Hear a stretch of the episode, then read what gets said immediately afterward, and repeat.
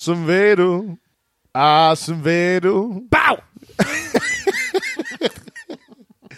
Lil ba, wow, pow, Pow, pow, pow! kakšni otroci. Če se tole že snima, naj nekdo pride in me reši. Jaz te bom rešil zdaj s tem. O, ne. Peni, uni, uni, peni, uni, uni. Pow! Liho, to sem dropen, noter, lajno. Še enkrat, še enkrat. Peni, Yeah, dead in the middle of little, little, little, we know it, the riddle to middleman who didn't do diddly. Uglešeni pa k dupleška gozba napihala. Tole je bilo pa asinhrono. Um, a veste, odkje je tale? Ne vem, Family Frost. Ne, ma, to ali je Bofrost. Tole je pa, bom jaz rekel, uh, tale multi, kako rečemo v glasbenem žargonu. Dead in the middle of little, little, little, little, will know that we're riddle to middleman who didn't do diddly. Je pa multi, ki se mu reče, to je, to je, to je eden izmed uh, najboljših multijev v zgodovini uh, glasbe, v zgodovini hip-hopa. In sicer prihaja iz uh, vrst velikega kaznovalca. Big Punisher, Big Pun. Velik kaznovalec. In to je komat za tiste, ki vas morda zanima kvalitetna glasba. Debeli Joe in veliki kaznovalec, uh, Fat Joe, Big Pun, Twins, komat, ki je nekaj najboljšega, kar se je zgodil muski, vsaj po mojem mnenju. Je pa Big Pun tudi uh, bil kar velik, bom tako rekel, predvsem v širino. Obisen.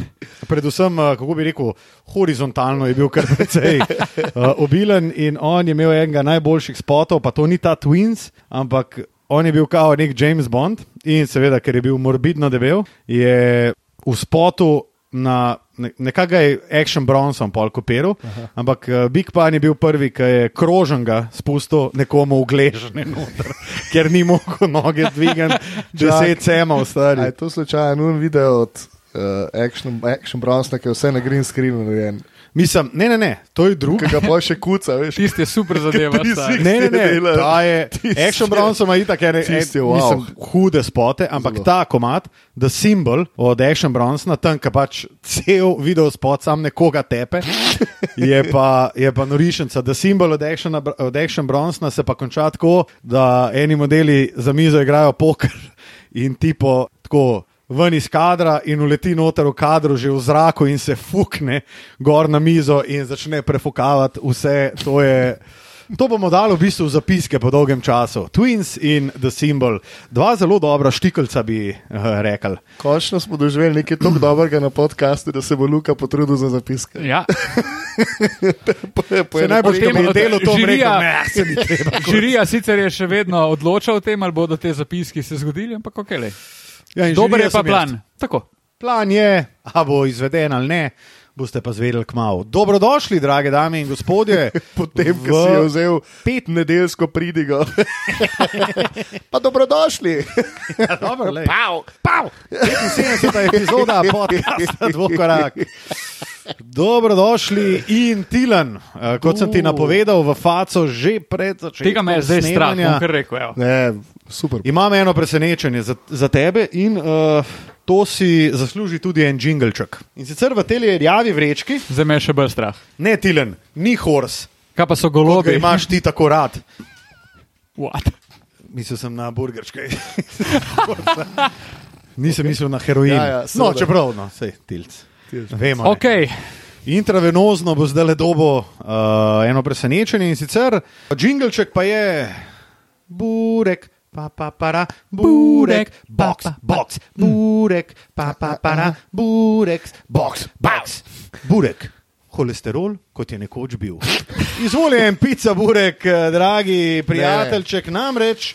Sponzor moj, ej. 75. epizode podcasta Dvokorak pa je Burek Box, ki ga najdete m, v BTC-ju, le lučaj stran od HLA, eh, pri pokriti tržnici, tam imate Burek Box, nanudite si ta fin Burek. tak, fin burek, krisp, holesterolček. In uh, ne boste razočarani, ker matko, ne, matko se je pred začetkom tega podcasta, oziroma takoj, ko sem jaz prišel z vročo robo, sem noter se je že izognil morebitnemu uh, klešu oziroma nekem, nekem preperu, uh, ki ga bom jaz zdaj obudil, zato da se boste prepirala in sicer je pojedel, tebi ljubi. Uh, Mesni oziroma sirni burek. ne, pica burek je pojedel. Hvala Bogu, stari. No, sej. In on je rekel, mmm, kako, mm, kako je dobro. Mm. Jaz upam, da ga tile noče. Pa sem jaz rekel, ne, tile ga definitivno noče. Ampak burek je burek, je rekel Paul Matko. In rekel je, tilc mi ga lahko sam skadi, ker ne mara kao pica bureka, ampak on ga je pa z veseljem pojedel. Tako da kar dejta se. Super, uh, Luka, to je bila ena najslabših provokacij tega, tega časa. Hvala pa za burek in hvala, Matija, da si. Žrtvujem se za ekipo. Ne? Hvala pa tudi Burek Boxu, Žigi Trpinu, uh, ki je trpel za nas za, za pečjo in nam nanudil enega sirnega, enega mesnega, da ga hitro postaseti v domenu, enega strastno. Daj mi burek, siro burek, mesni burek, za moj. Več kot Pau! očitno gla, glasbeni podcast. Pav! Videl sem pa tudi, da je tale tvoj pav, Matija, Je da tudi uh, Sosedom. tako je. In kaj rdeče. tukaj noter še en. Uh, En sirov zate, pa en mesni zame. Uh, sam ti ne bi raj sirnega. Ali ga bova, ali ga bova, Ne, jaz sirnega bom kar odlomil z veseljem. a ga bova hefala mogoče. Ali ga tudi hefava. Ne, ga bova hefnala. Cool. Prav, 75. epizoda podcasta Dvokorak, dobrodošli, Tilan Lemut, Matija Kosmač, Lukaš Šucin, z vami, tako kot vedno, in uh, kako sta fanta? Jaz še prebolevam mačka po porazu. Prav, najprej bil- smo utopili žalost. Ampak kaj je bilo huj? Maček ali poraz? Uh, Zdaj je dobro vprašanje. je v bistvu je vse kulminiralo A tu lepo V- Marcel. v ponedeljku, v ponedeljkovem jutru je vse kulminiralo. Je kulminiralo kot uh, slovenska levica? Povejte, no, povejte. Uh, zdaj uh, lahko rečemo, da so simptomi asimptomatski, oziroma da simptomov sploh ni, ampak ali imate mačka ali imate poraznega mačka. Porazen maček je bil. Uh, ja, ja. Ja. Če zgubite v lifeu, pa se ga napijete, imate naslednji dan poraznega mačka. Ja, za točko smo pokleknili v polfinalu eh, na tem mestu, ker vem, da vsaj eden izmed kasnejših zmagovalcev posluša naš podcast in tudi eh, pridno nosi mrč, ki smo ga danes z Lukom pakirali in ga bo Tilen poslal, Mm. zato da ga dobite v svoje prekrasne fikice. In uh, ja, čestitke fenomenom za zmago v Ljubljanski Trim Ligi. Napušite se kurce. Ja. Um, Ja. Prav. Mi smo pa za točko zgubili v polfinalu. Težko je bilo. Težko. Težko je bilo. Razumem, da je bilo težko, uh, tudi po tekmi ste bili zelo, kako bi rekel, Ja, smo pa morbidno. Osvojili, uh, definitivno. Smo pa osvojili končno tretje mesto, brez boja. Kar je, Kar je zgodovinska uvrstitev. Da, Že uvrstitev v polfinale je bila zgodovinska. Je Pa pač še stopnička više in naslednje leto pripravite se, gremo še dlje. um, pripnite si varnostne pasove. Run it back. Zdaj pa ali bomo zmagali v polfinalu, pa šli v finale, ali bomo pa še en dan več pilpal. Nekako gremo dlje. Aj, mislim, kakor, po mojih informacijah je bilo tudi dan po tekmi kar pestro, ko je treba uh, bilo oditi po. Ja, uh, prevozna dogajalo. sredstva, tako. ki so jih fanti, to je pa treba reči, zelo, zelo odgovorno pustili na kraju, kjer uh, je Ja, teklo definitivno. V potokih. v potokih. Ja. Tisto in ono. Tilen, kako si? Odlično. Zakaj? Parižon! Uh, Bil sem v Parizu, imel sem uh, nekaj dopusta, sem si privoščil pretekli teden. Potem pa se hitro vrnil na nekaj double headerjev čez vikend Uh, in uh, moram reči, da sem dobro. Bil sem ne naspan, zdaj sem se pa malo sestavil skupaj in moram reči, da zelo dobro. Očitno je bil tudi današnji sestanek uspešen, glede na to, da kar žariš. Oh, hvala, Matija. Ja, v redu je bilo. Ja. Super. Luka, kako si? Dobro, prav. Hejt Kotiček je pred nami, Tilen, ti si ga želel navezati uh, na zadevico, uh, ki smo jo že obdelali. ja, iz preteklega. Tilen ga bo navel. Navejo ga bo, ampak Ne, ne, ne. Je bil iz narobe, narobe, napačna uparaba, stari. Ni, ni ima vedno. Ja, ne, ne, uvel. Ja, ja. dej mi uve, uvej mi. ne, ne znam, dej sam povej. No. Uh, je, ne znam. Ne znam. Dobro. A zdaj moram povedati, Ja, svoj mislim, smo že na hejt kotičku, glede na to, da bo to semi-sprint epizoda. Dobro. Mm, pridni smo glede snemanja zadnje čase, treba reči. Ja. Ali se bomo držali uh, Najbrž ne. našega? Prav. Mislim, bomo pa probali. Se pa zna izdeloviti kot že toliko krat. da ne bom zdaj jaz sun kao. Drugače bi snimal, sam matko noč. Plan je, ne, plan je na 14 dni, tega se bomo zaenkrat držali. No, ampak med playoffom smo bili ponavadi kar tedensko v ušesih. si bomo, eh, prizadevali, si bomo prizadevali zadevo takole urediti. Bomo videli, ja. Uh, mogoče malo prilagodimo snemanja glede na dogajanje in konec krogov, končnice. Krogov. Dobro, Krogov. pa da se odmaknemo od NBA lige, bom začel s hejtom povezanim z Evropsko košarko, ki smo ga omenili že v preteklem podkastu, ampak sem malo razmišljal o tem in se mi megalomanska neumnost zdi sistem končnice v Eurokapu. Da ti, če si, če prvo tekmo igraš v gosteh, ko priješ enkrat v končnico, se pravi med 16 najboljših ekip, začnemo z osmino finala in igraš v gosteh in igraš sem eno tekmo, kar pomeni, Ne Da- imaš nujno v gosteh. igraš v gosteh, če si peti, šesti, sedmi ali osmi. Ja, tu je manjkalo. Tile. Tako. In kar me zelo, zelo moti, je to, da tekmovanje takšnemu klubu, tudi če ta pride do finala, kar je za tak klub megalomanski uspeh, niti enkrat tekme ne igra pred domačimi gledalci. Megaloman Tilen. Razen če seveda eh, besedo, ne. na drugi strani sedmo uvrščena ekipa ne, vem, ne premaga druge. Ampak če gremo po jakostni lestvici, se ti zgodi, da dejansko odigraš osmino finala, četrt finale, polfinale in finale brez ene domače tekme. In v stališča klubov je to kriminal. Se pravi, ti imaš izjemno uspešno, upam si trditi, za večino teh klubov, ki pristanejo na mestih od 5. do 8. zgodovinsko dobro sezono in niti ene tekme ne odigraš pred domačimi gledalci, nimaš prilike napolniti dvorane, s tem Dobiti tem. cash in tako dalje. Ja. In to se meni zdi grozovito narobe. Jaz se s tem strinjam. Uh, Tilen, povedal ti bom uh, tri razloge, zakaj se s tem strinjam. Prosim. Ena. Zato, ker vemo, da recimo predvsem v Euroligi od četrt finala dalje so serije. V Abu ligi so serije v polfinalu, finalu. In to se mi zdi nekaj fantastičnega, zato ker prvo kot prvo, kot smo rekli, um, več tekem, več odloča, oziroma vsaka tekma odloča po svoje. Drugi razlog, napolniš lahko domač, eh, domače, eh, domačo areno. Tretji razlog je pa zelo dober. Sicer mi je zdaj le všel malo iz glave, ampak se, se ga bom takoj spomnil.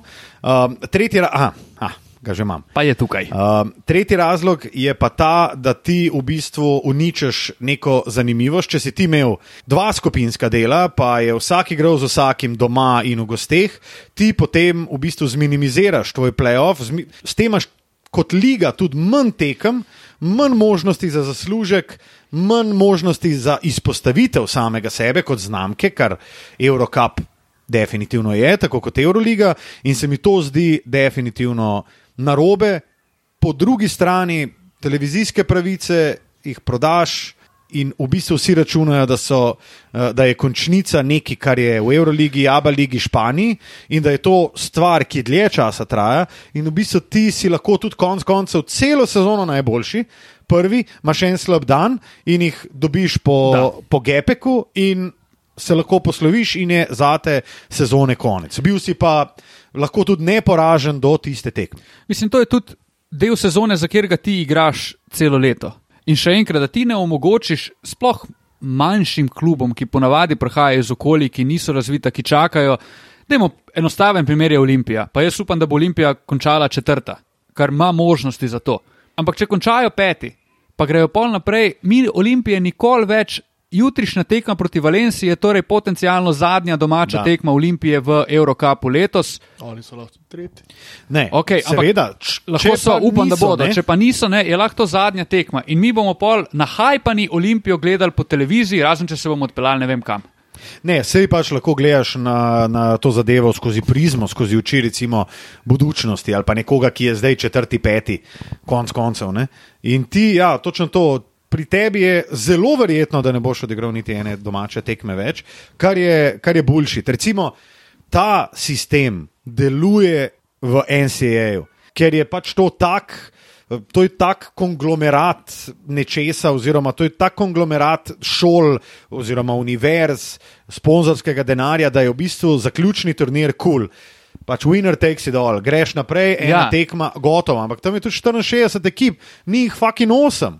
Pa tudi oni delajo turnirje. Ne? In ne vem, jaz tega ne razumem. In kdorkoli je to predlagal, še bolj pa Unke je to potrdil, ker verjamem, da se je več ljudi moglo s tem strinjati. Ne vem, kaj razmišljajo res.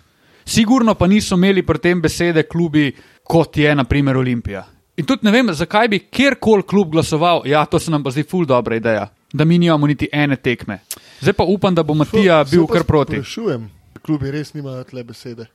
Ne vem. Ne vem, jaz nisem šel tega tako podrobno. Jaz nisem se spomnim, šel. ker sem se s tabo vozil v Beograd, ker sem poslušala um, podcast od Jasketa. Ja. In on rekel, Jaskel, ja, Jaske je bil ali pa obradovice, ne vem. Ne. In on je rekel tako, ja, mi smo igrali Final Four, ampak nismo mogli proslavljati nič. Zato, ker nas je čez tri dni čakala finalna serija Ja, ja. domačega prvenstva. Kle razumem, da ti je kul cool ena tekma, kar Final Four konc koncev je, oziroma odigraš dve. Ampak pismo Final za... Four je tudi čisto čist nekaj drugega. Če bi oni pripeljali, a ti imaš vsaj pol možnost, nekaj se nekaj dogaja, vse Euroliga se konča z Final Fourom. Ne? Imaš nek zaključen dogodek, kjer ima v končni fazi tudi ekipa dve tekmi. Za tretje mesto pa, ki nikogar ne briga, pa pol finale. In tam pač privabiš ljudi. Ampak tu se mi pogovarjamo o štirih krogih tekmovanja, kjer odloča ena tekma. Jaz bom zdaj sam dve, dva kontra razloga, zakaj se mi to zdi ok. Dve kontra razlogi. Drugač. Kva? Samo sem nekaj reči.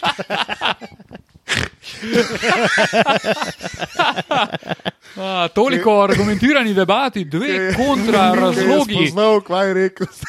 Ne, ne, Samo ne, oči sej- so se to sem zaprle. za nalašč rekel, sem Aha, pač hotel ok. sem malo uh, počgati to debato. Super. Uspelo ti je. Uspelo mi je. Um, popolnoma se strinjam z vajnimi, popolnoma se strinjam z vajnimi razlogi. Po drugi strani Z vajnimi razloge. Po drugi strani je pa, recimo, en minus je ta, da mogoče ne boš igral domače tekme. Mogoče ne, mogoče pa ja, se ne veš. Ampak v glavnem imaš pa dosti večjo možnost dobiti tekmovanje. Tvoja možnost se iz, se pravi, ti Drži. serijo na dve zmagi ali pa na tri, igraš s Partizanom ali pa z Virtusom. Tvoje možnosti so, recimo, 20 odsto, 30 odstotne, ajde. Recimo, da govorimo z vidika enega Jetkabilisa ali pa Olimpije, kakorkoli, to sta velika favorita. Težko jih boš dobil dvakrat ali pa trikrat. Enkrat ga pa lahko dobiš. To je To res. je, to je slabo za Partizan, to je slabo za Virtus, v prvi vrsti, ok, njim, imajo zdaj polno dvorano ali je nimajo, oni jo bodo še imeli na kažni tekmi, verjetno. Zelo dober point. Dober point, lahko ja. pa dobiš te, lahko pa dobiš. Zelo dober point. Olimpija lahko gre v Euroligo naslednje leto. To je zdaj čist legitimna možnost, ki verjetno ne bi bila tako legitimna v smislu, imamo playoff, igramo. Če bi eni mogli nekoga favoritov. dvakrat premagati. Ja. ne. Druga, Se strinjam. Popularnost tekmovanja Eurocupa ni največja in jaz mislim, da bo gledanost tekem Eurocupa višja. Zaradi tega si. Prav govorimo o televizijskih pravicah, ne Ja, o sem ne na dolgi rok, ne? Misliš, da ne? Jaz gledam Zato, to imaš, spet iz vidika, recimo, nekega Virtusa, za katerega se Če vs... se postaviš v, vlo, v, v vlogo neke ekipe, si v minusu. Če nisi ekipa, ki napada iz 6. 7. mesta. Ne, ampak si tudi. Če si pa v vlogi Virtusa ali pa Partizana v tem primeru, ki sta glavna favorita, valjda si v minusu. Itak. Ja, to je no, za to samo to. slabo.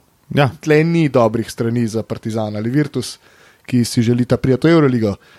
Cedevita Olimpija, ok, jaz verjamem, da Cedevita Olimpija z veseljem požre kakšno domačo tekmo manj, ima pa možnost iti v Euroligo.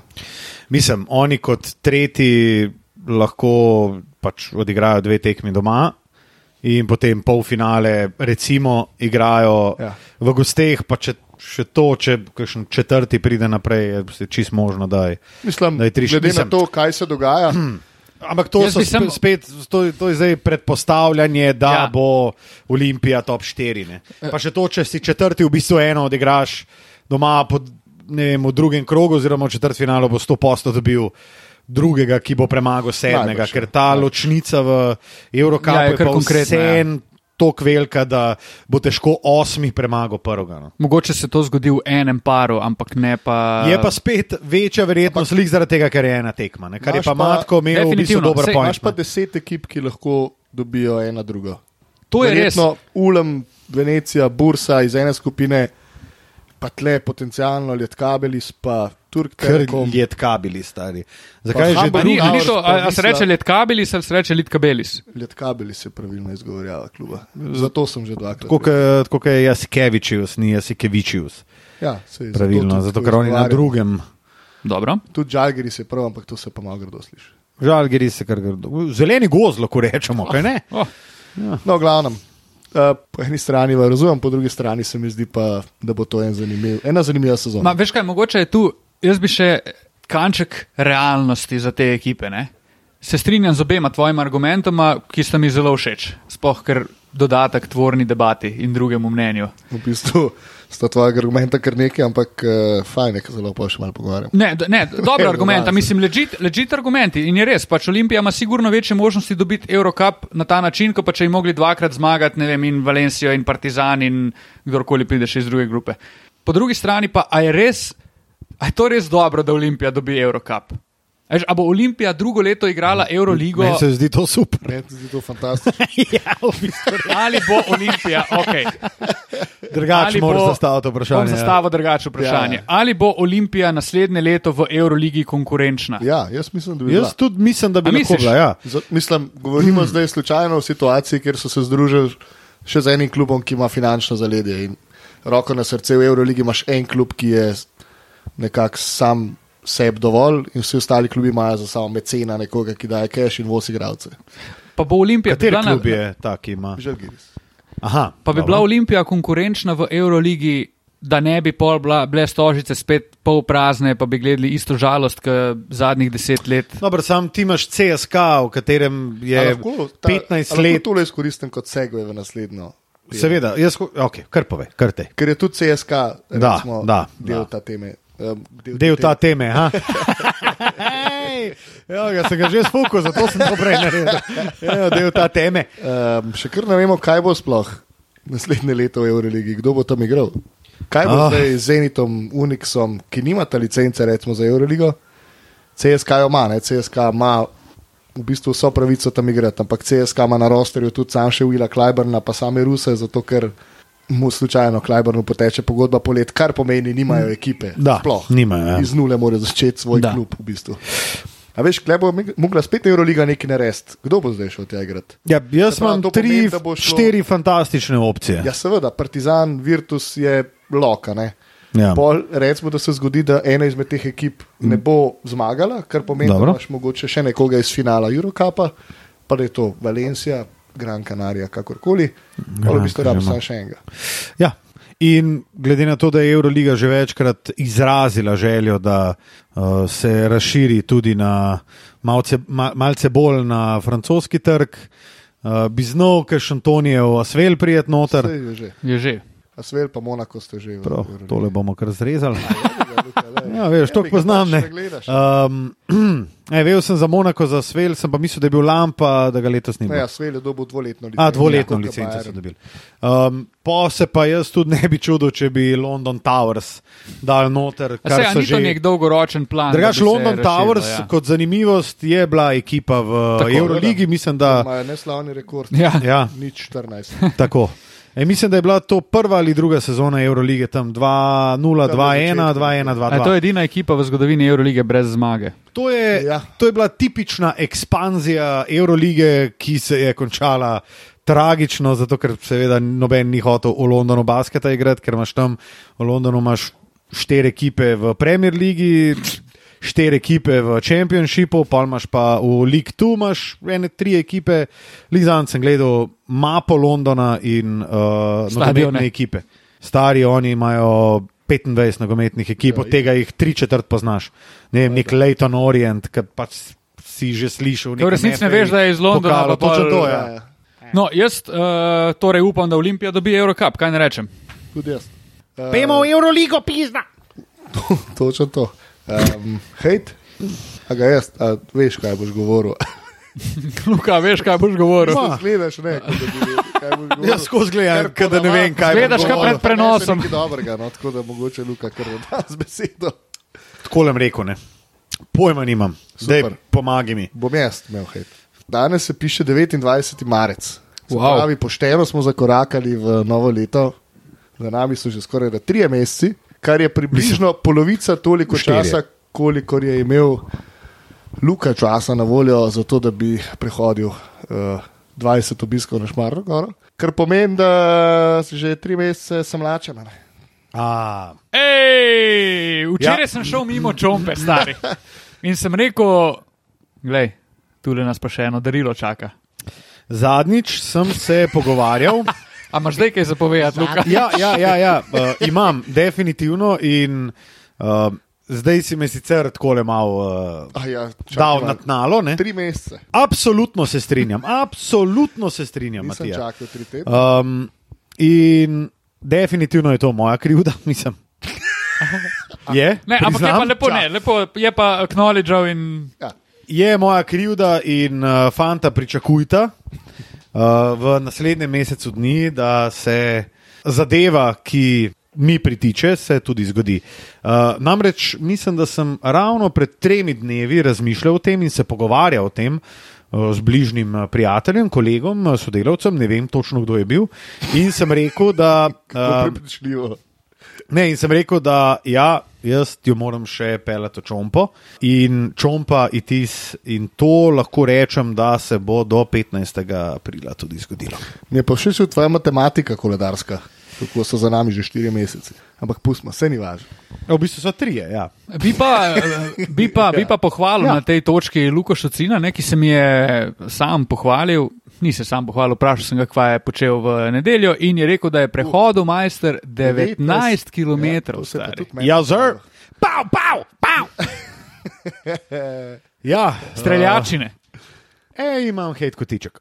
Hej. Ali bo tole letelo na kakšno zaprto oštarijo na vrhu hriba? Ne, ne, Kar ne. je vredno hejta, stari. je bila več Kar je vredno odprta. hejta. Več kot odprta je bila, ampak, Ampak tudi eh, ta uštarija je bila polna kot uh, moje črevesje po prepiti noči. Tako bom rekel. Tam gor, na orlah, ne, pač ne, ne jim dropom, vse Dobro. Na orlah, lej, sej, čisto vse jim pr, lepo in prav, 60 miš, miz imaš v zuni. Mi prijemo tja in uh, po teh 8 km, ki na, super, da oba na telefonu.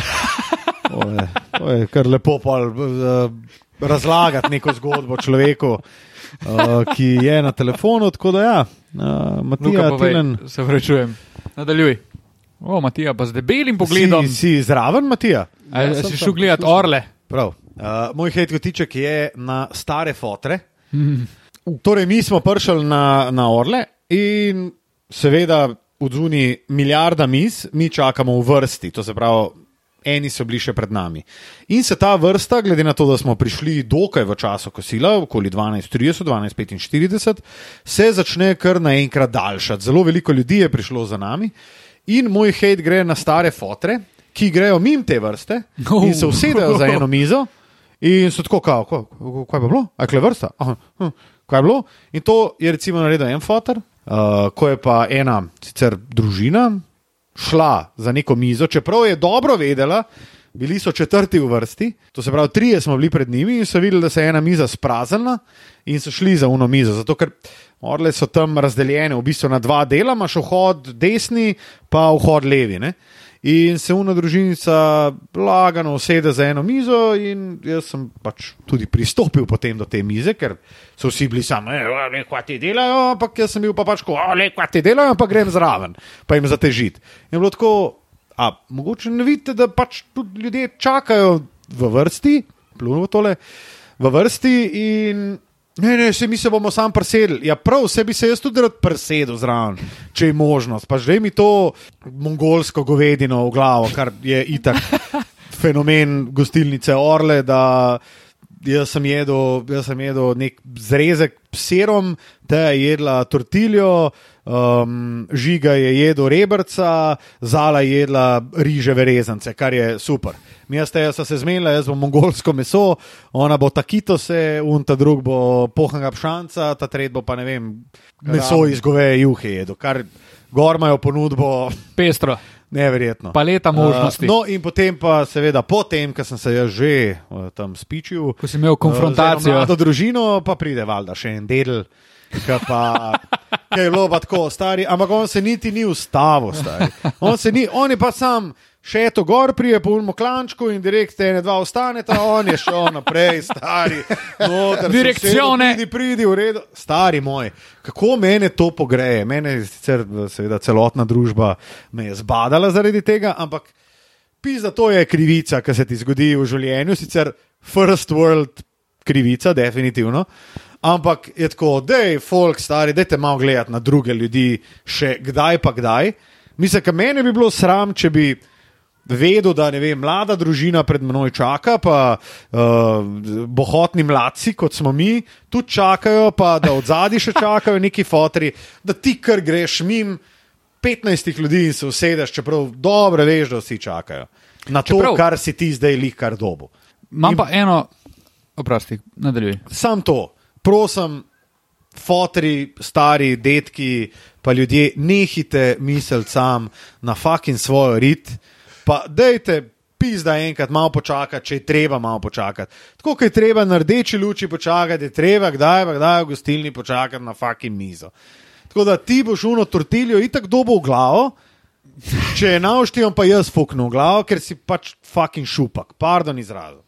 Tako, mene veseli, da me je pogrel, stari, zelo me veseli. Veseli me, da še meni, veseli me, da ta podcast predstavlja tudi določen filter. Ne? In da smo odprti za mnenja in da poveš, s tem je človeku tudi lažje.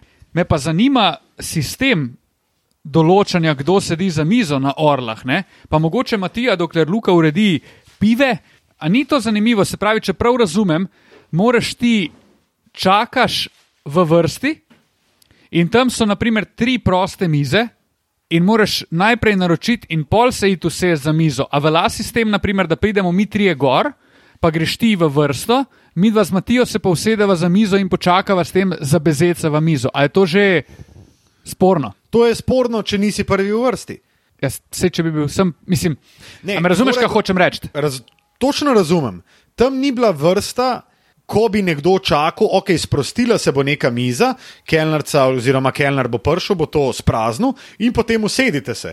Tam, jaz čist razumem, kelner je pa kelnerce tam, zato ker tam je 60 fucking miz. Ja, ne moreš pač ti ne moreš gledati, kdo je kdaj vstopil, pa kdo je prvi v vrsti. To je čist jasno. Zato je pač klej čist neki človeški faktor, kjer ti nisi pač sam en navaden debil, oziroma en navaden debil. in, pač, in sam greš. Zato ker pač. Veš, tam za nami so bili neki fotri, ki so si lepo šli noter na šank, pa so si par perčkov vzeli in so zlagali šale in tako naprej, ampak te fotri, ki so tudi zlagali šale, so prej recimo dobili mizo kami. Mhm. Zato je bilo tako, ne, ne, ne, se jaz sem baš nek vesel fotor, blaško pijem, imamo te kje računali, koliko pa smo pa jedli, da smo tako drag pi. A veš, pač kar neki, ne. Ja, pač ja. dej, pizda, če je fucking vrsta, oziroma ne bodi kot kon s plašnicami, dirkalni kon, ki vidi samo cilj in gre čez, sicer bom to zelo apokaliptično rekel, čez trupla za to, ampak dej fucking, kdaj pa kdaj, poglej okoli sebe, ko si na cesti, ko si na sprehodu, ko si ne vem kje.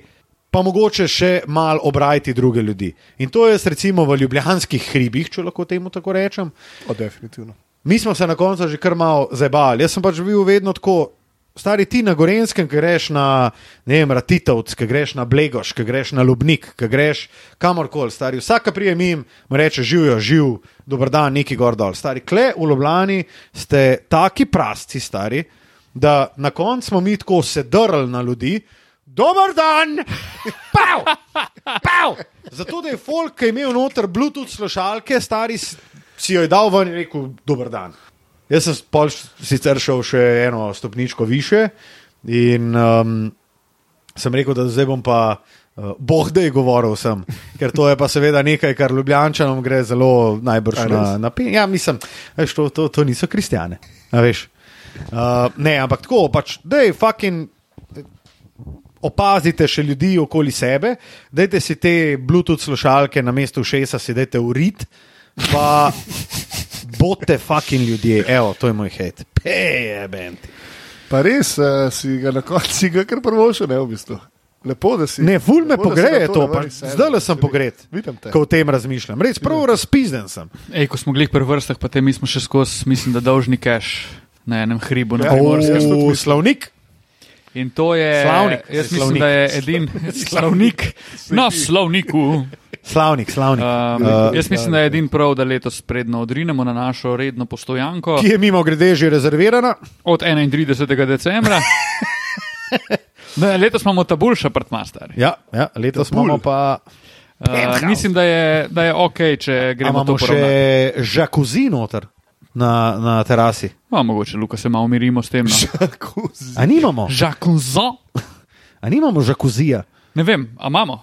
Jaz bi rekel, da ne. Ne vem, če sva. A, ne vem. Se imaš to v bookingu, kar pa poglej. Bom zdaj le pogledal, zato ker sem ravno včeraj imel booking uh, odprt in uh, pet destinacij je že rezervirano za prvomajske počitnice. Kva?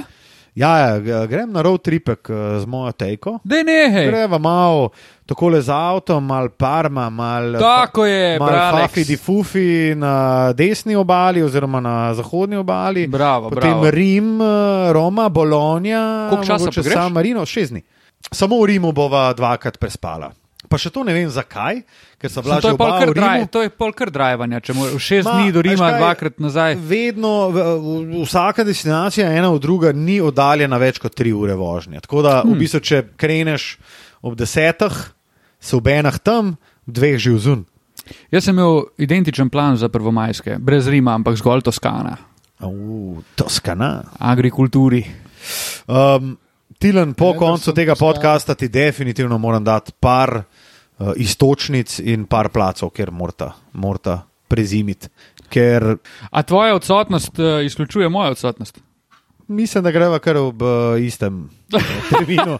Tako da Klemen vozu, uh, Tilen lovše, Dani Bavec, Ne, jaz, nimam, jaz nimam nič, uh, nič rezervirano, tako da še se. A jaz, še, sem, a jaz imam rezerviran. Bom pa v uh, Casali del Pino, relaj Torre Mozza, dimora epoca, Top. in v BNB podere Merlo. Poder. Podere merla. Uh, bom pa B&B. pogledal tudi maj rezidence, apartamento. Dej, dej, in- dej, my resident, stari. Kot ste že najbrž ugotovili, drage poslušalke in poslušalci, ta podcast ni o košarki. Jaz sicer Sem to pa res stari. Možnosti, da bi mogoče tudi kaj košarki pa govorili, ampak Dajmo, dajmo, dajmo te kulinarične no. zadeve prej rešiti. no. Luka, dej bova se pol midva o tem. Da, da, da, da. da. Um, pejmo naprej. Matija, ti si že imel hate. Ja, Kaj bomo pa zdaj? Ej, a se lahko zgodi, ali mislite, da se lahko zgodi, da Lakers si sploh ne pridejo play? Da, Da. Jaz sem Jaz to spremljam, stari in je. jaz sem delal jaz tekmo. Sem zelo navijan za San Antonijo, sprse, prosim. Jaz sem delal tekmo San Antonio, New Orleans. Pure Magic. Ja, In je San Antonio to tekmo dobil. ja. In pa sem pogledal lestvico, tam ene pet minut do konca tekme, ker je bilo jasno, da, imajo, da ima San Antonijo šanse, kljub temu, da so prej zaostajali. In sem si rekel, naslednji dan so pa Lakersi igrali z uh, Pelikani. V bistvu In sem rekel- je isti dupleks, kot smo ga imeli v maj rezidence, sam tok. Torej, Bomo o tem še več, Delo si San. Antonijo Pelikane. Sam ima pa kar težek razpored. Kdo?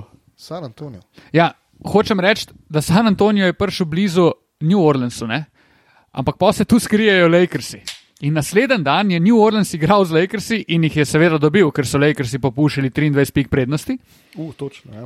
In dejansko se je New Orleans s to zmago proti Lakersu malo rešil, oziroma je rešil ta poraz proti San Antoniju en dan prej. Ampak Lakers nimajo nič lažjega razporeda. Stari, Ne, ne, to ne, bo ful uh, zanimivo, ker Lakersi so dodati. sposobni pas na 11. mesto, Greg Popovič je pa sposoben z nami tremi, pa Devinom Vaselom, pa Dežontejem Murrayem priti naprej. Upam, da se to zgodi. Um, samo Brez nekaj. Uh, pogledal sem na Stat News, ki je uh, napisal in ugotovil, da imajo Lakersi do konca sezone drugi najtežji razpored v ligi.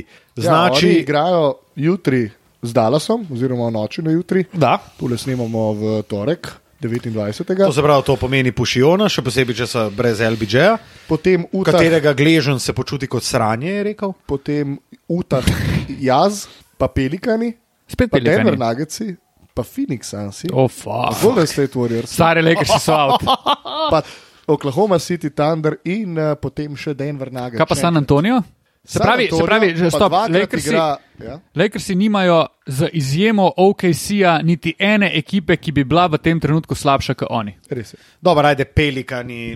Čeprav Ja, so so, jih So tam tam, magali. Ja, ampak so tam tam. Pa še to je ena tekma, drugo je pa, ne vem, Phoenix, Denver dvakrat, Da. Dallas Da, itd. da, da. San Antonijo pa igra z Grizzly, potem dvakrat zapored s Portlandom, Denver, Minnesota, Warriorsi pa Dallas. Um, in ravno sem našel ta tweet in sicer Lakers Ni imajo, lažje. ne, ne, ne, Se Lakers, pravi, ne, ampak je dvakrat. Lakers imajo drugi najtežji razpored, Spurs imajo četrtega najtežjega izmed 30 ekip v Ligi NBA. Tu je mogoče tudi za Z Grizzly so fiksirali svoje, svoj playoff berth Stari in Grizzlies- oni bodo zagotovo drugi, ker Golden State jih ne bo prehitev.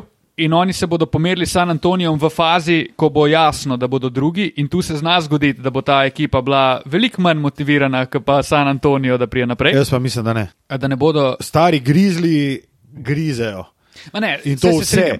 Oni, so, oni imajo lih to mentaliteto, da oni ne bodo rekli, no, ok, zadnja tekma, se smo že drugi. Mogoče, a veš, mogoče se bo zgodilo, da Morenta ne bodo dali grad, pa Da, da, da. a veš, iz tega vidika. Ne, oni bodo hoteli zmagati, definitivno, nihče ne bo puščal. Ampak z vidika personela bi se znalo zgoditi, ja, da so ja. malo v deficitu proti San Antoniju, pa v končni fazi tudi nek motiv mogoče bo en procent igral, mož, igral vlogo. Poleg tega imajo dve tekmi proti Portlandu, ki je out in bi ga San Antonijo nekako spet iz tega naslova Mislim, interesa mogel dobiti. S tem, da San Antonijo zaostaja za Lakersi še eno tekmo, če jaz zdaj Ja. prav računam. Ne? Pol. Torej, oni rabijo, Pol tekme, oni imajo en poraz več od Lakersov. oni morajo dve število zmag. tekmi več zmagati do konca sezone, kot pa Lakersi. Ja. Oni morajo zmagati. Ja, dve tekmi Dve več. tekmi več. Pač oni morajo imeti, oni imajo uh, tudi, they own the tiebreaker. Ne, eno Proti Lakersom? Ja, zato ker ne, oni imajo Samo eno tekmo več morajo zmagati. boljši skor v diviziji. Imajo, no? uh, čeprav sta različni diviziji, ampak to je tudi eden izmed tiebreakerjev. Prvi je medsebojni, pol je pa Division Games. Ampak med seboj imajo koliko? Mislim, da San Antonijo vod. Samo eno več rabijo. No, vse ja. Konc Ker koncev je to. trenutno Ja, enako ja, ja, število okej, zmag. V bistvu, če Lakers izgubijo naslednjo tekmo, lahko ne rabijo niti ene zmage več. Uh, dve, dve To v bi zmagah.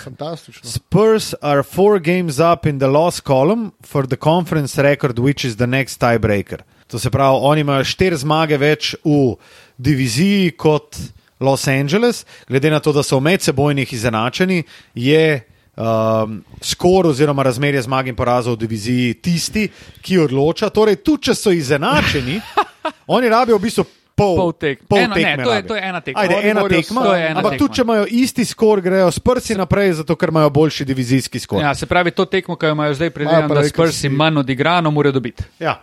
Uh, to. Lakers imajo manj odigrano. To se pravi, Lakersi morajo to tekmo zgubiti. Zgubiti, pa so tam kar tam. pa, Pa so- imajo Dallas in je to zelo verjetno. Um, Noro, Ne stari, vem, ne vem kaj ne to rečem, ampak to je, to je čisto hudo. Kar je pa mogoče najbolj zanimivo, je, da jaz ne bi Lakersov sploh pogrešal v playoffu. Tudi jaz ne. Jaz pa recimo Lakersov mogoče ne bi um, pogrešal v playoffu, uh, bi pa lahko mirno rekel, da če oni recimo pridejo kot, uh, Osmo uvrščena, kot sedmo vrščeni, oni Phoenixa ne morejo premagati, to je jasno. sedmo uvrščeni ne bodo. Lahko so še, ne? Lahko- Lahko so še. A je to blizu? Ne, če oni pač končajo redni del sezone na osmem mestu, je. Aha, mislim, ali, ne vem točno, kako je, koliko imajo od osmega Ne, strani. oni so lahko samo osmi, Lakersi. Če kliper se prehitijo. Ne? Ne, ne morejo več. Morejo. imajo pre, No, preveč sej, če razlike. so osmi, se v play-in turnirju, če me spomin ne vara, se pomerta sedmi, osmi, Tako je. Tako, in, ta, pa in to je deveti, tekma za- deseti. Tako, To je tekma za sedmi sit. ne. Sedmi, osmi Sedmi, igrata za osmi. sedmi sit. Ja. In- In, no, in če so Lakersi osmi sit, Ni, ne morejo biti. Ne, ne more morejo biti, biti. ne more biti, se to. Zakaj ne? Večkrat, Pokaži. poglej na ekranu. Au, Ne, ne, au, oni so au, preveč au, daleč. au. Poleg Oni tega, so stari, pet zmag zadnji, ja, za šans. pa Clippersi so izgubili štiri tekme zapored. Ni, ni šans. Oni so, Lakersi, lahko pridejo v playoff zgolj kot osmo postavljena ekipa, kar jim prinese spet Phoenix v prvem krogu. Če pridejo Lakersi v playoff, pol Marija naj stresajo ta Phoenix, stari pa da je to nekaj, o čemer se lahko spet pogovarjamo, ker če bodo prišli v playoff, pa zgubili 4-1 od Phoenixa, je bolj, da pride Minnesota. Se strinjam, pa zgubiš 4-1. od Pa zgubiš Phoenixa. 4-1, bolj. Se strinjam, full. Če pridejo pol stari, naj stresajo ta Phoenix, pa grejo Ne, magar, ne vem, neki mini- do konca, da se, Ja, da se ja. ratajo relevantni, zanimivi in tako dalje. Ker drugač, ne vem, žalostno jih je Kdo gledati. videl zadnjo fotografijo Antonija Davisa? Vsi smo jo Mm. videli. Seveda smo jo. Čak ima avta star. To je pa next pa je? level, to je pa next level kmet. Tudi meni deluje malo debel na uni fotki. Ja, mogoče res. Ampak Zdaj razmišljamo o enem. Zdaj, Kako? sam, mogoče bi zamenil eno črko in sicer E bi zamenil z IM. Na mestu debel zgleda debil. Ja, to je pa tudi res. Poglejte si to fotko, Prav je morda bo v zapiskih. L je na koncu debel, ne? Debel. Kako bi, zdaj razmišljamo o vprašanju, kaj bi sploh rekel Antoniju Davisu, stari. Neč ne rabiš reči, vse vemo. K kaj je on trenutno? On je top 75 vseh časov. Kaj Anthony Davis trenutno sploh predstavlja v tej ligi? stari? Fucking hell. On predstavlja. Kako oni niso njega zamenjali, ne vem, z Jaz nekim mislim, da je Tracyjem, on tudi- McGradyjem ali pa konc koncev Dwightom Chrisom Stari, Webrom. Pau Dwightom Gasol. Howard. Dwight Howard, Pau Gasol. Kako ti njega ne moreš zamenjati, da mi povej. Zato, ker Amano je, je top zato, ker 75. ga je, mislim, da je. Mislim, da je. Ja. Da je. Zato, Dobro. ker ga Če je, ni ker ga je NBA institut, instituti, institucionalno. A, tule pa. Stari, to je pa res. Tule pa megal, megalomanska beseda. Anthony Davis je klasičen primer institucionalnega guranja posameznika v zvezdništvo. In če si, pisa, to je res težka beseda v bistvu, ne? institucionaliziran si. Ne? Okay. ja. Podobno se dogaja z Townsom. Institucionaliz... Eh, ne gre. Ne, Res je težko težka beseda. Tudi za nas, uh, uh, športne komentatorje, ki tako zgovorjeno besedo kovemo, kujemo, ne kaj bomo reči, kovač, ki kuje. kuje. Ja, no, evo, točno to. Kovač, Kovemo. kuje. Sorry, ti, tilc, nas Ej. dva smo šli. Ne, smo Mi šla. dva, mi dva smo šli. Ja, mi dva smo šli. Jaz. Če sem ga hotel na lopati ven vrš, stari, res. Ja, mi, A, to je bila pa povsem napačna smer. Kot takrat, ko smo zajadrali čez center Zagreba. kako so se furali, dobro. Dobro je. Zakaj bi šel po avtocesti, če lahko greš čez 40 semaforjev po Tako. neki hrvaški, celovški, če, češki? Tako, tako. Češki. Uh, prav, Ej, Lakersi bodo pokadili zelo velikega Lakersi so ne. oneja, res. In jaz mislim, da je zelo malo ljudi, ki jim ne bi prvoščili, da se to res zgodi. Kar je ful žalostno v resnici. Oni so tudi zdaj. Ampak oni so s to sezono naredili veliko tudi PR napako. konec Ja, ja, ja, absolutno. Pač in z Westbrookom, in z Jamesom, ki dela napako za napako. Sej, jaz se strinjam, da je. Greška na grešku, gre, greška na grešku. Greška, greška na grešku. Valjda, da hočeš, hočeš, Ah, tu smo, tu smo. valjda, da hočeš hajpati, Huh, huh. pa da greš na naslov, čeprav ti pol tvoj Westbrook reče, da on je brez pričakovanj prišel v sezono. Samo vseeno, oni so trenutno tako zelo disfunkcionalna ekipa, da, se, da jih lahko enačiš z nekimi, ne bi rad rekel Sacramento, ampak stari, kdo hoče igrati v Lakersih. In pol se zgodi, da je stari Gabriel, kar igra prvo peterko v tej ekipi, stari. Pa, o, Kenny. o kom se mi pogovarjamo, stari? Kako je to možno? Ja, se strinjam. In pol je on kar, Gabriel je kar do nekega staža pride, da je uno, ona se pa zdaj reši, on je pa ful dobro tekmo odigral, pa da je neheno. Ampak to Lakersi delajo že tri leta, stari. Model. THT, ki je sicer igrač, sam Aj, dve leti, on, tri leta nazaj so bili prvaki, kar je tudi kar downfall. Ampak, v okay. bistvu, ja, zdaj bo tri leta. ne. Vse so Ampak- imeli tudi težave s poškodami, se to je vse res. Ampak taka franšiza bi mogla to shendlati dosti boljš. Dosti boljš. Absoluten Ko podpis. smo že ravno pri tem, uh, pri, pri, pri, prilagam, predlagam ogled uh, Winning Time na HBO-ju. HBO Ah. Max. Magic Johnson. Dober je, Je? dober je, dober je. Tako je sicer malo pretiravajo. Čeprav ga Magic ga ni endorso, ne? Zato ker pretiravajo. pride nov dokumentarc o Magicu zdaj ne? Ja. in on ta, ta winning time ni endorso. Ne? Je rekel, kao, eh, no, no, no, I mean, it's, it's okay, but kao, Tako, the je- real documentary is coming out. Ne? Ja, ker to ni dokumentarc, to je serija, ki se drži nekih resničnih dogodkov, ampak ne kot pijanec plota, ampak Da. Pač, ohlapno, um, malo Dramatized, malo kot dramatizirajo, koncev Drive to Survive, ki je dramatiziran. Ampak eh, pa tako, no. Drive to Survive je Ko- mega dobra serija, stari. Sam- jaz Ko sem- kartuniš je, m, so neke stvari poudarjene, da ti je jasno, da ni mogel tako biti. Ja, ja, ja. Sploh, če si vsaj mal um, v stiku s Upet, upet v situacijo. Ja, ja. Uh, eno vprašanje imam za vaju, fanta. Če se malo oddaljimo od. Uh, Basketa. Od, ne, ne, ne, od uh, LA Lakersov, ki jih Prosim. natikamo na zob že kar nekaj časa. Če sta vidva, Dallas, koga bi raje imela v prvi rundi, kot To že zaenkrat kaže. Utah ali Denver, a smo se pogovarjali Ja. o tem. Sem pa jaz Um, hotel nekaj drugega vprašati, kar je vezano, ne, kar je vezano na to, kar si Ja, ti zdaj tole pa- predlagal. A lahko Dala sploh pride še na tretje mesto? Jaz mislim, da je fiks. Pa poglejmo. Ne, ni lok. Ne, ne, ne. ne. Uh, Lock v teoriji Concord. lahko, po moje, ampak ja. jaz bi rekel, da je prva, prvi krok fiks Utah Dallas in meni je to všeč. Meni tudi. Jaz bi pogovarjali. raj videl, jaz bi A raj smo videl se Utah. pogovarjali, ja. koga bi raje imel, Denver ali Utah. Pol se pa iskreno Pa opravičujem. Memphis si še v klopu. pa tako. To je zdaj out, ampak Utah, jaz, A, meni je všeč to z spomnim, Jaz sem izbral Ti na začetku nisi izbral Utaha, potem so ga midva nekako um, Ponudila. razložila. sva Ga in pol sem jaz Denver. Ja, okay.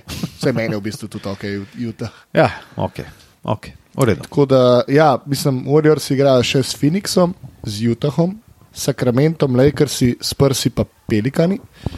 Medtem ko, ja, ni full težek razpored, bodimo iskreni. Ampak razlika je mogoče med Denverjem in Dallasom plus Utahom. Ja, če Utah full pade, ampak jaz bi rekel, da je to kar lokno. No, pojmo pa še. Naprej noben več ne more. Lahko sem To so padel. tekme Golden State, to so pa tekme Dallasa. Lakersi, Cavaliersi, Wizardsi, Bucksi, Pistonsi, Trailblazersi pa Spursi, kar je zelo lahko razpored. To je In to oni lahko vse dobijo. In zdaj, če Golden State zgubi še dve tekmi, smo pa že tam. Ja. Pff, Jaz bi rekel, Težko da, bo, težko ja, bo, jaz bi zelo rekel da težko. ne bo in da bomo gledali Utah Dallas. Jaz Kar mislim, da. se, česar se jaz zelo, zelo, zelo veselim. Kot prvo, zato da se rešimo te serije v prvem krogu Dallas Clippers, ki jo gledamo že dve leti, oziroma smo jo gledali dve leti. Kot drugo, mi je pa izjemno zanimivo, oziroma bom vprašal, kako daleč ti v tem trenutku vidiš Dallas, oziroma kako daleč vidiš možnosti Dallasa, ker mi smo se dva meseca nazaj pogovarjali o tem, da Dallas je prvi krok in out. Torej, In jaz mislim, da Dallas ima v tem trenutku konkretno, konkretno boljše možnosti za napredovanje iz prvega kroga, kot jih je imel dva meseca nazaj. In svojim kadrom, kemijo in igro me, za razliko od začetka sezone, zdaj kar malo navdušujejo. veš kvane. Malo so taka olimpija, ne? Veš kvane. Tok smo jih brukali, ampak so se, tok so se dvignili, da je Ful lepo videti je to. No? In igrajo povezano, igrajo Veš, kva? Jaz imam smisel. najraje v življenju, da nimam prav. Oziroma, ne, to je ena hujših stvari. Ampak Ne, tako, to je to. Kul mi je, tako kot pri Olimpiji, ki smo jo to je- to je je napaka, kul, ki jo ki vidiš to transformacijo, da neki klikne in gre, in niste bilo predala. Veš kvane. To je napaka, ki jo hočeš. Ne? Zdaj, če še malo ne, dovol, ne dovolimo Matiji, da bi kaj povedal, ne? Veš kvane. povej. Le, jaz mislim, da recimo, Veš kvane. dej, dej, dej. Če Dallas uh, vrže ven Utah Jazz, to pomeni, da bo najbrž dobil Phoenix. Ker pomeni, da najbrž je Dallas ekipa za prvo rundo. Ne, ne. ne, ne, ne, ne. Ekip, mislim, če pride v drugo rundo, so ekipa za drugo rundo. Ne? Ekipa za prvo rundo so Aha, bili dobro. zgolj uvrstitev v playoff. Ne? Okay. Sam, ja, Phoenix. Mislim, bi a veš, pol- recimo, zdaj, če bi slučajno prehitel Golden State, od katerega imaš lažji razpored, ampak moraš nadoknaditi dve zmagi razlike, Kar ni nemogoče. Kar ni nemogoče, si tretji, dobiš najbrž Denver, mogoče še koga slabšega, in potem igraš Memphis. z Memphisom najbrž, kar je pa precej bolj ugodno in Ja. kar naenkrat si že v konferenčnem. In pol, ki si pa v konfer konferenčnem finalu, si pa Ja. the real deal. Zanimiva so pota končnice. Tako da le upajmo, da ne navijati za Golden State, ali kva, Ja. Dajmo vsaj ki je v nizu teh zadnjih 6-7 tekem. štirih zaporednih In porazov. ko smo ravno pri Golden Stateu, V San Franciscu rožice ne cvetijo, da ta hip. Ne cvetu, Um, kar je morda dobro za tiste z alergijo, kajti smo v obdobju, ko koleska cveti in ko je treba, seveda, klaritinčke, je treba si dajati po grlu na nude. na nodon. Mm. Golden State je v zelo slabi formi. Ja, zelo. Uh, Tudi- tri so izgubili zapored, Ja, tri. je pa tudi Utah štiri zapored zgubo. ne. Se zaradi Ja, tega se je tudi ta. igrata pa Golden. State pa Utah. Da. In uh, en neslavni niz se bo končal uh, tu in zdaj, in upajmo, da se bo Utahov, ne v Ja, resnici. tako. Pa da se, pa, Kako pa da, daleč? Pa da se Dallasov nadaljuje. A je Golden State legit contender? Ja, vprašanje. Jaz bi rekel v tem trenutku Curryjem? točno to. Jaz mislim, da so oni. Jaz mislim, da, mislim, Je to zdaj to, ne, da govorimo to, kar tem, se je da če- zgodilo proti Torontu. Ne. Pač vsaka ekipa je eno, en gležen stran od tega, da ali Ja. grejo ven v prvi rundi ali pa so prvaki. Ampak Golden State Vsaka, je. no, pač, vse veste, kaj mislim. Ne. Vse, realno je, ne? Vse, vsaka ekipa zgrajena tako, da ima enega superstarja, ki ti prenese rezultat oziroma dela razliko. Če se on poškoduje, pač si out. Golden State je takrat imel Dobro, Kleja State, out, Kleja in Duranta uh, out. KD-ja. ne, Ja. Ja. Golden State gre gladko prvi ven z Denverjem, če ni kar je, recimo. Pa. O ja, To je- valjda, valjda. To je gladkiš. Ampak kaj je sploh s Curryjem daj gremo, zdaj? daj gremo sam. Ja, kao da ne bi bil nazaj za playoff. Sam. Se bo tako, kot Anthony Davis, ki je je začel tudi- trenirati, pa je zdaj questionable, pa bo questionable. Ja, pa ne bodo sploh prišli v playoff, pa bo lahko Tako. začel drugo sezono. Pa Ej. Draymond je bil tudi dolg out, ne? Dajmo sam reči to, ne? Na isto. Dogfight, stari. Ogija. Tole je, Dogfight. Mislim, že sama, um, sama možnost, sama opcionalnost, da se Brooklyn dobi v prvem krogu s Filijem, kar sicer jaz težko verjamem, da bi Charlotte še prehitil Brooklyn in da bi Brooklyn bil na devetem mestu po rednem delu sezone. Um, ampak Brooklyn, če zmaga prvo tekmo proti Clevelandu, kar je zelo verjetno, se bo kot sedmi pomeril s Filadelfijo. Če zgubi, pa recimo, da rukne enega izmed Charlotte ali Atlante, kar je zelo verjetno, se bo pomeril proti Miamiju. Jaz, jaz bi Stari moj. jaz bi te, ne, stop, stop, stop. Lahko sem, lahko sem nekaj. Ne. Med ne, prvimi ne štirimi ekipami je ena tekma razlike in tu je, jaz bi rekel, da moramo računati, da se Brooklyn pomeri z Miamijem, Filadelfijo, Milwaukeejem ali Bostonom, ker med temi štirimi Je samo, sedmih, to je po ena mojem tekma. mnenju je med temi štirimi moštvi samo ena ekipa, ki jih lahko premaga. In to je Milwaukee. In to je fucking Milwaukee. Jaz mislim, da Miami proti Brooklynu, če so oni polni, v smislu, da Kajri, ki zdaj lahko igra doma, uh, v smislu, da je na tretjem mestu, a ja, ne, na drugem mestu Filadelfija, kar pomeni, da to je, to je nora motivacija. Mislim, jaz, če sem kjerkoli ekipa v življenju, se nočem z Brooklynom srečati, To je nikoli ena. in nikdar.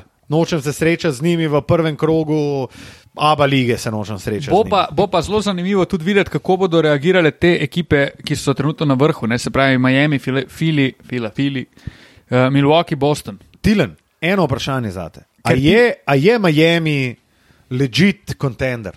Je. Zakaj? Zato, ker imajo dosti dobro ekipo in dosti dober sistem za to, da pridejo ven iz vzhoda. Čez Milwaukee, čez Brooklyn, čez Philly. Je ta možnost. Če me pa sprašuješ, ali so oni favoriti proti Brooklynu ali Milwaukeeju, je pa odgovor ne. Meni je Miami, letošnji Miami, mi je en tak, taka Atlanta izpred parih let. Ne veš prvi, resnici, prvi na istu, pa vedo si, da ne morejo iti čez Cleveland. Meni, meni Ali pa nek, ali pa nek, sorry, ali pa nek, uh, uh, um, nek, ne, kurat si me zjebo. Atlanta je dober primer. Ne, ne, ne, ne Atlanta, hotel sem znati še en boljši primer. Ali pa ne Denver. vem, nek Denver, Memphis. A veš, Memphis, Grit ja, in Grind, ja, ja, ja. Memphis z Gasolom pa Randolphom, Pa ki so bili skozi. Ali pa Phoenix konc koncev, ali pa Dallas, ki je izpadel proti Golden Stateu kot prvi nosilc. Meni se Miami zdi mogoče izmed prvih petih ekip na istu, ne glede na to, da so prvi, se mi zdi najbolj zdrobljiva ekipa. Na, ekipa, ki jo najlažje uh, zdrobiš v prah. U, jaz bi rekel, da je Filadelfija pred njimi. Jaz po čak- lanskem playoffu ne morem Ne, tega reči. Jaz se strinjam, čisto razumem, odkot prihajaš in se deloma tudi strinjam. Miami je sposoben, ima full visok high, pa tudi dost nizek low. Oni so sposobni izpasti v prvem krogu, to, da je Miami prvi trenutno na vzhodu, je meni še skozi ne To je anomalija. čudno in anomalija in to je, to je dokaz in kvalitete spolstra in sistema in bla bla bla. Je pa res, da je to tudi en dokaz dobrih iger, letiš pod radarjem, ni, tako kot s prsi. Ja, pač oni dobivajo vedno tekme, oni to. zmagujejo, tudi če je grdo ali kakorkoli. In tudi vprašaj se, ne vem, kaj pa Miami, ne veš niti kako igrajo, ni kaj igrajo, pač tam na koncu dobivajo Pogledal tekme in so celo to trenutno je to, ja. fucking prvi. Da. Ne veš točno kako. In če se oni srečajo v prvem krogu z Brooklynom in gre Miami ven, ja, valjda, to je zelo, zelo legitimen scenarij. In ne, ve, ne vem, če bo Miami. Sam po drugi strani pa verjameš, da pridejo ven iz ista. Lahko, pa, veš, če jih pa daš proti Brooklynu, pa rečeš, Miami bo dobil 4-2, ja, lahko. Ni nemogoče. Jaz si, tega, jaz si to ful težko predstavljam. Da bi Miami lahko Brooklyn premagal 4-2, pa ne zdaj, da je to 6 tekem ali pa 7 tekem, tudi 4-3, če jih dobi. Jaz si to zelo težko predstavljam, ampak si pa dal dober point, mogoče lig zaradi tega, ker Miami pa sam dobiva tekme. Ja. Dobiva une tekme, ki jih mora dobiti, dobiva tekme proti slabšim ekipam. In je v bistvu to vse čar te ekipe, ki, je, ki ima sistem, ki deluje že ohoho let in ki ima ne na zadnje tudi posameznike, ki sledijo temu sistemu in dobro delujejo v njem. Bite pa še nekaj, oziroma oba bi vprašal, kaj pa sta vidva potegnila v zadnjem tednu? Iz spora, ki se je zgodil med, Med med. Jimmyjem Butlerjem in Erikom Spolstrom. Zanima me, če se bo vse tisto, kar se je pisalo in kar sem poslušal o Miamiju in tem sporu, zdaj, ko imamo tukaj tudi privrženca Miamija, če, se to, če to res velja. Tilen, kva si misliš? Jaz mislim, da je to. Kaj pa ne bi velal? Aha. povedal, ne moremo zdaj položiti. Ma jaz v bistvu usta. me tudi zanima, ker o tem, jaz sem si pogledal, kaj se je zgodilo in si ustvaril svoje mnenje oziroma neko Wob je, možnost. Wob je še sinhroniziral, kao, kaj so rekli. ne. A tega jaz nisem videl, na primer. Uh, Wob je recimo, uh, on je objavil ta posnetek Ja. in je dal od spodaj podnapise. Ampak je bila sprdnja ali res ne? Na, ne, ne, ne, resno. Aha, Kao, okej. najbli, Približek. Približek temu, kar je bilo naj, najbolj verjetno. ne. Okej. In pač je Donis Heslem se je seveda postavil na stran Erika Spolstre Ja, in to- je kao rekel, kao, I can take you now. Kao, Ja, let's ja, go, ja, ja, nekaj ja, pač- ja, ja, ja, ja. Sej vemo, A je v bistvu A se greva, se greva je- ven z men? A običajo je, si bil. Ja, tako. ja. Pač on je iz nule do sto je definitivno 200 tinki, medtem ko Erik Spolstra, vsaj glede na World Wide Web tweet, je bil pa premeni dobo plus točke. In je bil pač ko, Upr men tudi. on je bil pač tak, tako, kao, čakaj malo, a ti se zdaj hočeš štep z mano, z mano se hočeš štep, kaj je tako pač, kot da bi se miška tepla proti slonu. No, to je slab primer, glede na to, da so sloni dokazano in uh, bojijo miši. Ne, ampak, um, ampak on je bil pač ko, kao, kao, a se ti res zdaj hočeš tep z mano, kle, tak je bil. In pol je valjda popizdil fuknovno tablo ob tla, Heslem je bil itak vedno z njim. In jaz sem recimo tam videl Jimmyja Butlerja iz Minnesote, ki je naredil un trening, ki je pizdil, ki je lahko najboljši soigralec, ki ga imaš lahko, lahko je pa tudi največji disruptor, ki ga imaš lahko v ekipi. In mene samo zanima, koliko je dejansko ta spor, ker za ti se težko se s trenerjem tok spičiš, kot se je Jimmy, pa da imaš pol še nekoga, ki v bistvu ne igra, ki je desna roka trenerja, da ti un reče, kao, I'll beat your ass. To more biti nekaj, kar ti moraš difuzati. Prvo stvar, ki priješ v slčilnico in se moraš tam začeti žvaliti, ali to nadaljuješ naprej. Tri minute si bom zdaj približno vzel. Želim si. Uh, jaz sem videl ta spor kot točko v sezoni, ki lahko Miamiju prinese ogromno dobrega. Miami je prvi na vzhodu, pa se mi zdi, da tudi oni delujejo na tak način, da se niti tega točno ne zavedajo. Oziroma, glih te zmage pač prihajajo, ok, dobri smo, ne vemo točno, kaj se z drugimi dogaja, tekme zgubljajo, mi smo prvi, mogoče se to zaslužimo, mogoče pa tudi ne.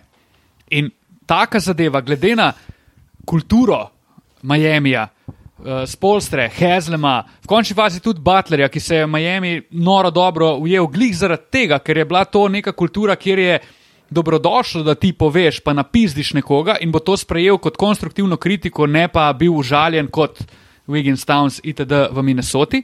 In je zaradi tega bilo Butlerju to vse tako všeč. Se mi to zdi situacija, iz kjer lahko Miami potegne ogromno dobrega. Obenem se pa sprašujem, kaj točno je bil vzrok, za, da je sploh do tega prišlo. Ker če se je pa to tenstalo zdaj že dolgo časa in je, ne vem, Jimmy, naprimer, ful nezadovoljen, že dalj časa, je pa to lahko problem, če on ustraja v neki te svoji, da mu reč, trmi.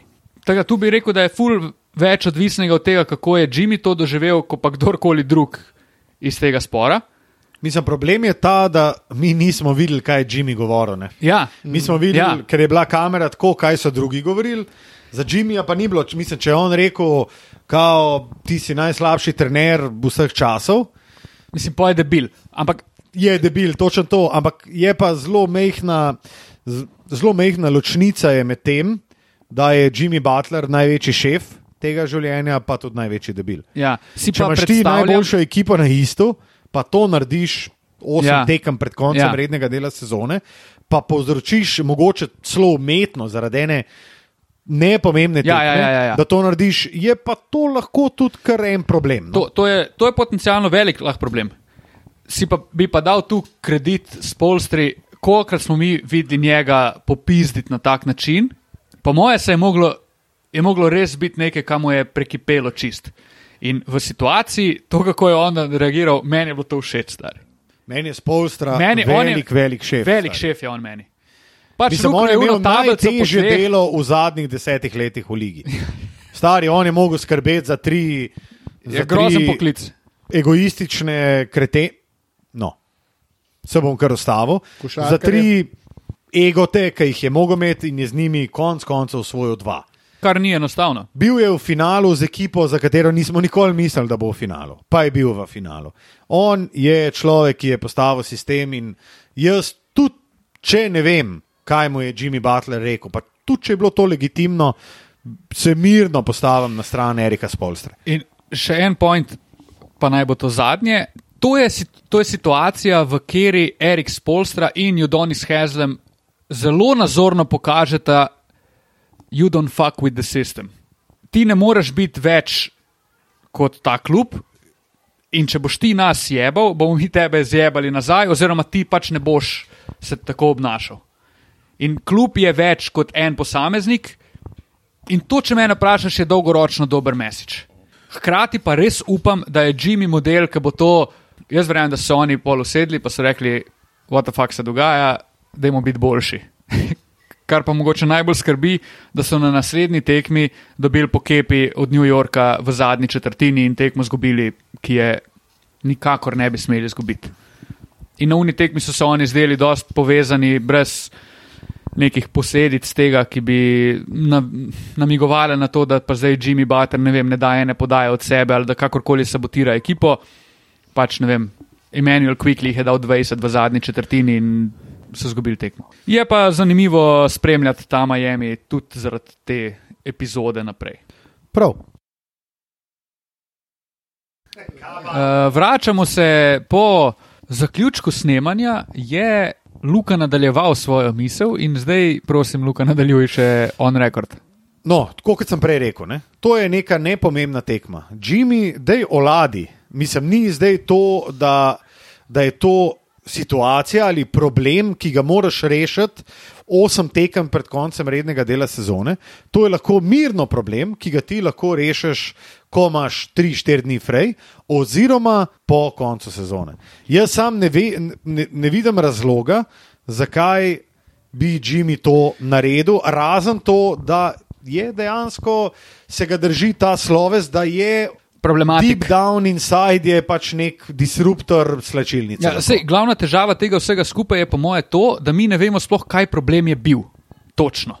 Razen to, kar je Spolstar rekel po tekmi, da jim je šlo na kurac, ker so že drugo tekmo dobivali po kepi, ki ne bi smeli. Ker so izgubili od Golden Statea brez Krja, ker so pol izgubljali od Filadelfije, mislim, da brez Embida in Hardna.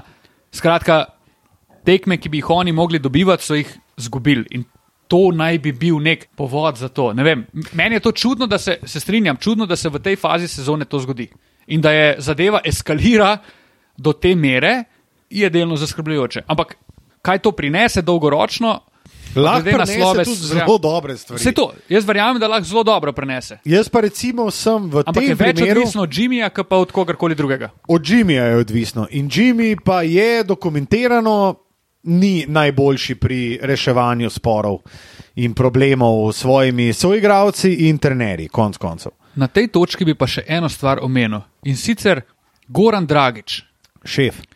Gole je. Gole.